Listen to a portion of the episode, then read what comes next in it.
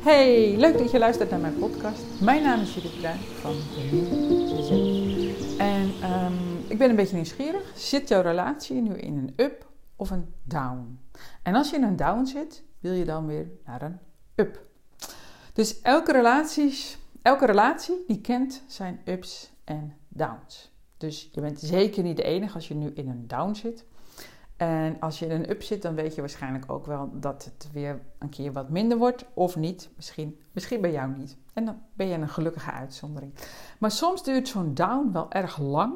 Of maak je die opvallend vaak mee. En dan kan het zijn dat jullie manier van communiceren nog niet zo constructief is. En dat is niet iets om je voor te schamen of je schuldig over te voelen. Want dat is, mijn inziens, één van de moeilijkste dingen in een relatie. Het lijkt heel vaak dat seksualiteit een van de moeilijkste dingen in je relatie is.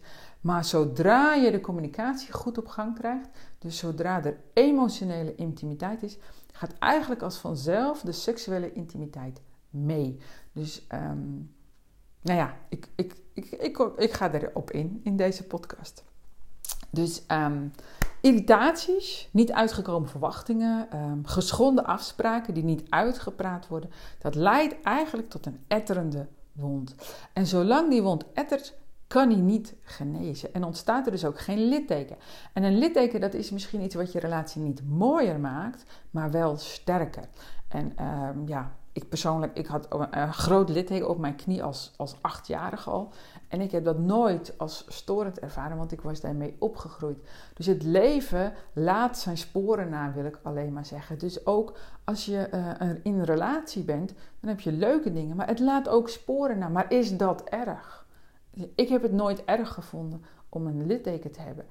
En uh, hetzelfde geldt voor als je ouder wordt. Je krijgt rimpeltjes en van die dingen. Is dat erg? Ja, het leven laat zijn sporen na. Dus ik denk alleen maar, ik denk dat je, het mogelijk is dat je een wijzer mens kunt worden als je ouder wordt. Dus dan neem ik die rimpeltjes graag voor lief.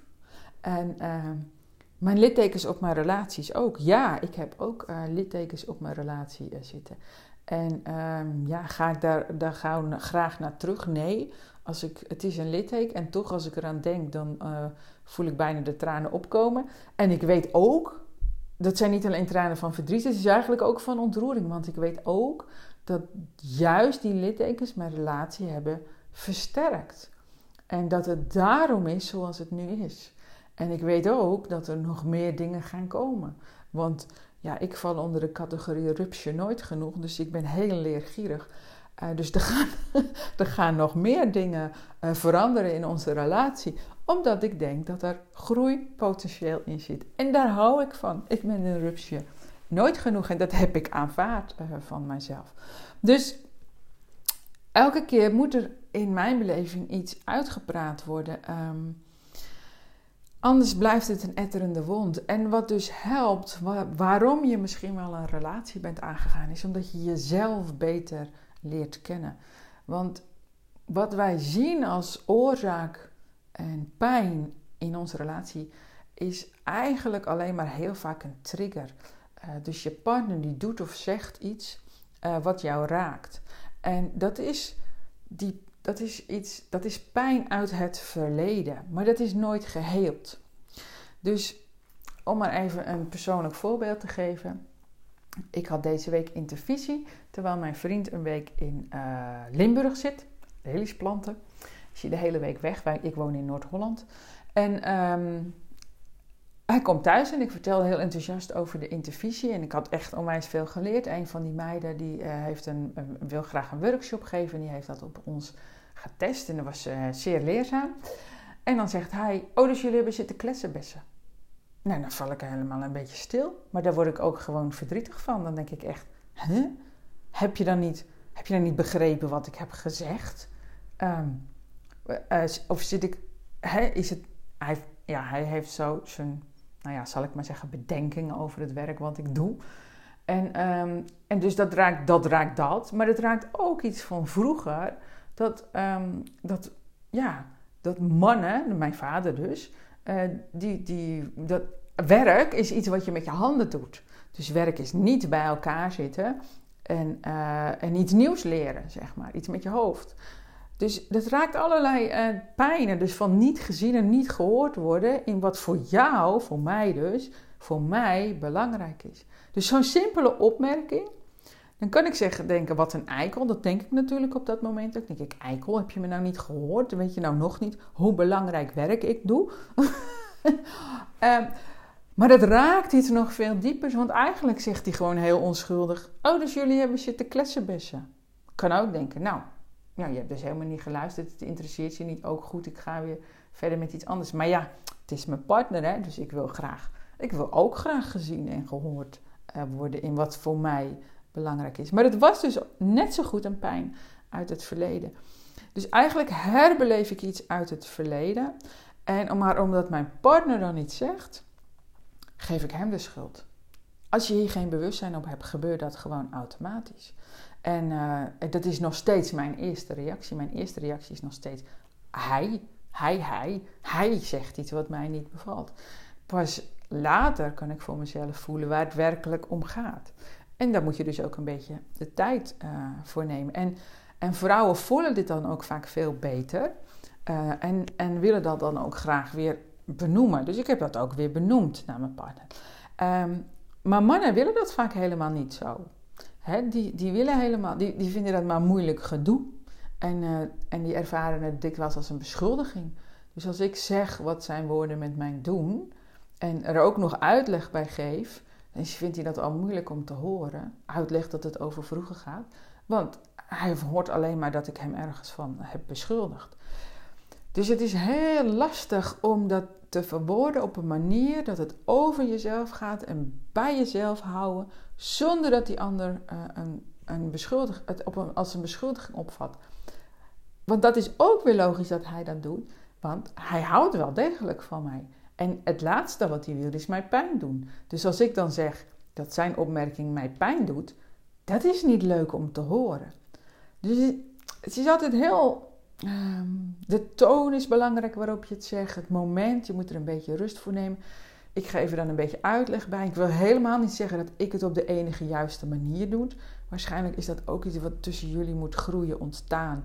Wat je moet leren ervaren. Hoe dat nou tussen jullie het beste gaat. Dus um, en wat we ook nog heel vaak fout doen, fout, hmm, wat beter kan als vrouw zijn, is dat we oude koeien uit de sloot halen van onze partner. Terwijl we niet doorhebben dat de koeien eigenlijk nog veel ouder zijn en uit onze jeugd komen. Dus nee, mannen vinden het vaak niet leuk als je met situaties komt van 10, 20 jaar terug. En nog niet hebt ontdekt dat ze eigenlijk 30, 40, 50 jaar geleden zijn uh, ontstaan. Dus nee, ze willen geen oude koeien aan de sloot. Ze willen eigenlijk liever gewoon die sloot zo snel mogelijk dempen. Uh, lekker doelgericht en praktisch. En dat is ook logisch. Hè? Wij zijn dus niet zo, nog niet zo goed in het uiten van onze gevoelens. Tenminste, niet op de manier waarop waarop ik denk dat het handig is. En ik noem dat eerlijk uiten, zeg maar. En mannen zijn vaak nog veel, uh, vinden het nog vaak nog veel moeilijker om over hun gevoelens en behoeftes te praten. Omdat dat nog veel minder in hun bewustzijn uh, zit. En omdat we dan allemaal ook te maken krijgen met, ja, is het een verwijt, een eis, een beschuldiging? En we zitten allemaal verstrikt in ons eigen verleden. Hè? Want niemand wordt tijdens het opgroeien in al zijn of haar behoeften voorzien. Dus we hebben en veel behoeftes en niemand kan 24-7 voor ons klaarstaan. Zelfs de meest liefhebbende ouder niet. En als klein kind ben je dus niet in staat om te overzien dat je behoeften misschien niet nu, maar misschien wel later uh, worden vervuld. Als volwassene zou dat eigenlijk wel zo moeten zijn. Um, maar omdat je dat als kind niet bent, springt er als het ware ja, een soort overlevingsmechanisme tevoorschijn zodat uh, de, pijn die te groot is, gedragen wordt. En heb je verschillende overlevingsmechanismes. Je kunt je behoeftes ontkennen. Uh, je kunt je gaan aanpassen in de hoop dat iemand jouw behoefte alsnog vervult. Dus dat iemand jou lief genoeg vindt. Dat noemen we ook wel pleasen. Um, of je probeert je partner te veranderen, zodat jouw behoeftes alsnog vervuld worden. En daar zijn we ook heel vaak heel goed in. Dus we zijn soms 10, 20, 30, 40 jaar bezig om, om onze partner te veranderen. En waarschijnlijk gebruik je al deze overlevingsmechanismes door elkaar heen. En soms ook als het ene niet werkt, doen we gewoon het andere. En al die mechanismes, die neem je dus ook nog eens onbewust mee naar de volgende persoon, waarvan je denkt dat hij of zij die behoeftes wel kan vervullen. En dat is meestal je partner. En als je dan verliefd bent, dan lijkt het allemaal te werken. En als dat over is, dan, dan, dan, dan, is dat, dan gebeurt dat dus gewoon niet meer. En omdat het allemaal op zo'n onbewust niveau gebeurt, heb je eigenlijk helemaal niet in de gaten wat er nu precies speelt. En je blijft dan je partner de schuld geven, of je relatie of de situatie, van jouw pijn uit je verleden. En dan soms ga je misschien wel geloven dat je niet de juiste partner hebt gekozen. Je gaat om je heen kijken en vergelijken. En uh, soms is het gras bij een ander groener. En voordat je het weet, graas je dan van een ander gazonnetje. Daar krijgt ook 80% van de mensen mee te maken. En wat je doet is eigenlijk, je trapt in de volgende illusie. Je denkt dat deze man of vrouw dan wel al je behoeftes gaat vervullen. Want je voelt je dan voor het eerst sinds lange tijd weer levend. Je voelt je ineens weer gezien, gehoord, gewaardeerd, erkend, geliefd. Je voelt weer levensenergie, slash seksuele energie door je heen stromen. En het voelt precies hetzelfde als in het begin van de relatie met je eigen partner. En je hebt nog steeds niet door dat het niets met een partner te maken heeft, maar alles met jezelf. Want het is namelijk niet hun die jouw levensenergie uh, laten stromen. Dat doe je zelf. Je boort als het ware een bron in jezelf aan en je projecteert dan, dan weer op die ander. Dus het is geen wonder dat het gras daar sappiger lijkt. Nou, en dan kom je thuis en dan voel je je schuldig, of je schaam je, of je bent bang dat het uitkomt. En je liegt ongewild tegen je partner en je kinderen. En dat kost je dan weer bakken met energie. Dus door een, met een vreemde mee te gaan, voel je je aan de ene kant leven, levend. En aan de andere kant word je leeggetrokken tegelijk. En je raakt ervan overtuigd dat het iets met die ander te maken heeft. En dat je er dus zelf niets aan kan doen of veranderen. En dat is logisch. Want niemand heeft je ooit iets verteld over het enerzijds de negatieve gevoelens die onvervulde behoeften uh, veroorzaken, maar ook niet over die onuitputtelijke energiebron die je in jezelf draagt, die, van, die je van levens- of seksuele energie voorziet. En boor je die in jezelf aan, dan kom je weer tot leven. En dan heb je niemand nodig. Uh, dat betekent niet dat je niet mag relateren of geen relatie mag aangaan, maar je hebt niemand nodig voor je levensgeluk. Want weet je, niemand gaat jouw onvervulde behoeftes uit je kindertijd nog vervullen. Dat kun je alleen zelf. Je kunt alleen zelf die wonden helen. En niemand kan ook jouw energie geven of afnemen. Je kunt alleen zelf energie genereren en voorkomen dat het weglekt. En dat doe je door jezelf of elkaar en, uh, te beminnen. Dus je kunt jezelf beminnen of elkaar beminnen. En dat begint allemaal met empathisch luisteren. Want empathisch luisteren, dat is het smeermiddel van je seksuele relatie. Empathisch luisteren is eigenlijk een soort van tovermiddel voor je relatie. Van je emotionele relatie en daarmee ook meteen je seksuele relatie. En meestal leeft een van de partners meer vanuit het hart en de andere partner meer vanuit het bekken. En dat is dus niet goed of fout, dat is zelfs iets wat jullie mede bij elkaar brengt. Alleen, dit is niet genoeg om jullie gelukkig bij elkaar te houden. Dat heb je waarschijnlijk al gemerkt, want maar 10% heeft uh, een voor beide seksueel bevredigende relatie. En ik hoop natuurlijk dat jullie daarbij horen. En die kans is niet zo groot. Dus als je relatie niet zo goed meer loopt, dan merk je dat vaak aan de seksualiteit. En dan denk je dat je op dat gebied iets hebt op te lossen. Ja, dat is waar. Maar heel vaak heb je dat een soort van zelf op te lossen in eerste instantie. Dus het begint met het beminnen van jezelf. En de tweede is dat er in een relatie waarin het seksueel opdroogt, daarvoor al dikwijls emotioneel is opgedroogd. Dus de emotionele intimiteit die verhoogt um, de seksuele intimiteit. En dan kom je bij uh, dat goede gesprek. Oh jee, Dat goede gesprek. En dat is dus niet zo makkelijk nog hè, om een goed gesprek te voeren. Zonder dat je in verwijten en eisen en beschuldigingen terechtkomt. En misschien heb je dat ook nooit gehad. Misschien hebben jullie nooit uh, je gevoelens uh, gedeeld. Ik in mijn eerste uh, relatie in ieder geval niet. Mij werd dat helemaal niet geleerd. Ik heb dat voorbeeld thuis ook niet. Ik wist er niks vanaf.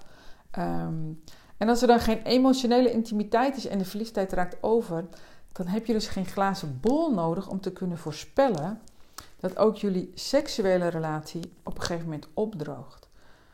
Dus emotionele intimiteit is echt het smeermiddel van je seksuele relatie, ook als je daar geen zin in hebt. Als je geen zin hebt om over je emoties te praten. En dat hoeft eigenlijk ook niet, want er is er maar eentje nodig die, uh, die ermee begint. En het beginnen kan door empathisch te gaan luisteren. Nou, dan is natuurlijk de vraag: kun jij empathisch luisteren? Want empathisch luisteren leidt tot emotionele intimiteit. En dan is het handig als we eerst even duidelijk hebben wat empathisch luisteren eigenlijk is. Dus empathie, dat lijkt op sympathie, maar het is heel iets anders. Want wanneer je sympathie toont, dan ben je eigenlijk nog steeds met jezelf bezig. Je partner of iemand anders die vertelt jou iets en ondertussen ben je onbewust met jouw gevoelens bezig. Wat doen zijn woorden met mij of wat doen haar woorden met mij? En is je partner dan uitgesproken, als hij of zij er al de tijd voor krijgt en als jij niet inbreekt, dan reik je vaak uit. Je biedt je hulp aan of je komt met een oplossing. Of je deinst terug, omdat je moeite hebt met zijn of haar woorden en Misschien uh, bagatelliseer je het wat, of je komt met een eigen ervaring, of je zegt dat het allemaal wel meevalt. En dat is dus niet empathisch luisteren. Hoewel het natuurlijk wel zo lijkt. Uh, maar je bent zo bezig met je eigen gevoelens dat je niet echt oog hebt voor die van je partner. Dus eigenlijk zet je jouw gevoelens op de eerste plaats. En vanuit jouw gevoelens, vanuit jouw emoties eigenlijk, vel je een oordeel. Je vindt die ander dan hulpeloos of kwetsbaar of zielig. Of uh, juist uh, een aansteller. Of je wilt dat hij of zij iets verandert. Of dat het huilen stopt. Of misschien vind je wel dat het zijn of haar eigen schuld is. En dan kom je met een oplossing. En zo ontwikkel je eigenlijk negatieve sympathie. Dus als je sympathie toont, dan ben je nog steeds bezig met jezelf in plaats van met je partner. En dat voelt je partner ook. Dus empathisch luisteren is eigenlijk een soort van paradox. Het zijn twee tegenovergestelde krachten. Bij jezelf blijven en bij de ander aanwezig zijn. Zodat die ander ook bij zichzelf aanwezig kan geraken. En dat leidt tot een derde kracht, tot compassie. Dus empathie is eigenlijk als het surfen op de golven van de emoties van de ander je voelt mee wat er in dat moment bij jezelf gebeurt, maar je wordt er niet door omvergespoeld. Je blijft bij jezelf terwijl je partner de emoties voelt. En het is heel bijzonder als een, iemand empathisch naar je kan luisteren. Want diegene die opent zijn of, hart, zijn of haar hart voor jou. En die is dus bij jou aanwezig zonder een oordeel te vellen. Je hoeft je dus niet langer schuldig te voelen of je te schamen. Je mag er gewoon zijn. En als je er gewoon mag zijn, dan opent je hart zich. En meestal meer. En daarom is het het smeermiddel van je relatie. En misschien niet bij het eerste gesprek. Als er veel achterstallig onderhoud is, dan heb je waarschijnlijk meer empathische gesprekken nodig om wat emotionele intimiteit te voelen. Ehm, maar ja, empathie opent wel je hart. Het ontspant je lichaam en daardoor kun je makkelijker onder je middenrif aanwezig zijn. Dat middenrif dat zich aanspant als je jezelf uh, leeft vanuit wilskracht, vanuit veel moeten, vanuit verwachtingen. Doen we bijna allemaal hoor. Dus dan land je in je bekken en dan ben je in staat om te ontvangen. En ja, dus niet alleen liefde, maar ook een penis. En dat is natuurlijk voor vrouwen super belangrijk dat ze uh, dat middenrif kunnen ontspannen, aanwezig kunnen zijn in hun bekken, uh, een man of vrouw kunnen ontvangen en uh, zich over kunnen geven. En alleen als je je kunt overgeven aan iets wat groter is dan jou of aan je partner, als je je gedragen voelt, dat is zeg maar goede seks. Dat is seks die verbindt En die leidt tot meer seks. En als je dat niet hebt, dan kun je wel seks hebben. En uiteindelijk leidt dat op de lange termijn tot minder of geen seks. Nou, luister je dus niet op een empathische manier, dan gebeurt eigenlijk het tegenovergestelde. Je beschadigt je partner en je relatie. Want hij of zij die voelt zich voor de zoveelste keer niet begrepen, niet gehoord, niet gezien. En hij of zij heeft weer niet kunnen voelen dat je met hem of haar verbonden was. Dat jouw hart de haar of de zijne heeft aangeraakt. Dus empathisch luisteren is ons niet geleerd. En het wordt zo moeilijk, nog moeilijker als je partner jou als onderdeel van zijn of haar probleem uh, beschadigt. Dus dat vraagt wel om enige oefening. Want pas als je je eigen negatieve gevoelens uh, grotendeels verwerkt hebt, je, onvervulde behoeftes, uh, als je daar wat zicht op hebt, dan hoef je ze nog niet per se zelf vervuld te hebben. Maar als je in ieder geval maar weet waar jouw triggers uh, toe, ja, tot leiden, naartoe leiden, dan kun je in je hart blijven als de ander iets vertelt wat jou raakt. Want ook al raakt het jou, dan wil hij, diegene, zij, nog steeds geen antwoorden voor jou. Ze wil alleen voelen dat jij in je hart kunt blijven. Ook als je dat een machteloos gevoel geeft. En misschien, misschien wel juist als het jou een machteloos gevoel geeft. Want dat betekent dat je daar geweest bent. Dat je je hart als een donkere grot gekend hebt en dat je door die duisternis heen bent gekomen. En dat je als geen ander weet dat er voor sommige gevoelens gewoon geen troostende woorden zijn. En dat die ook niet nodig zijn als jij maar aanwezig bent. Want oplossingen komen helemaal niet van jou. Die komen uit het eigen hart. Dus de machteloosheid die jij laat zien tijdens het luisteren, die helpt die ander om ook door het duister te gaan. Dus je hoeft geen oplossingen te hebben, geen antwoorden te hebben. Je hoeft helemaal niets als je empathisch luistert, alleen maar aanwezig te blijven bij zowel jezelf als die ander. En dan laat je voelen dat het jou gelukt is om uit die donkerte te komen. En zo kan die ander een stukje met je meeliften. Nou, wil je nou uh, meer empathie in je relatie en uh, meer handvaten daarvoor? Kijk dan ook gewoon een keer naar een van mijn gratis webinars of vul de relatiethermometer in op www.beminjezelf.nl slash relatiethermometer. En voor webinar ga je trouwens naar www.beminjezelf.nl slash webinars. En dan um, als je de relatiethermometer invult, krijg je van mij een, een persoonlijk gesprek met drie tips. Want ik wil heel graag dat jullie relatie ook weer back on track komt. Want de kans dat je de juiste partner hebt gekozen is gewoon zo gigantisch groot. De kans dat het niet helemaal goed verlopen is in jullie communicatie en ook in jullie seksuele relatie is ook zo ontzettend groot. Dus dan geef ik je gewoon gratis drie tips. En uh, wil je liever mailen, dan kan dat ook. En uh, wie weet wil je, af en toe, wil je later alsnog in een training instappen. En dan word ik natuurlijk ook super blij van. Want elke training uh, die afgenomen wordt, ja, dan maak ik een soort van vreugdedansje. Uh, want dan weet ik gewoon, er gaat weer een stel de goede kant op. En ja, dat, dat is geweldig, zeker als er kinderen in het spel zijn. Dus bedankt voor het luisteren. Ik hoop dat je iets gehad hebt aan deze podcast. Op YouTube staat ook een video klaar over de zeven sluiers, een hele serie. En uh, ik hoop je gauw weer uh, te horen, zien, luisteren. Wie weet laat je ergens een reactie achter. We elkaar.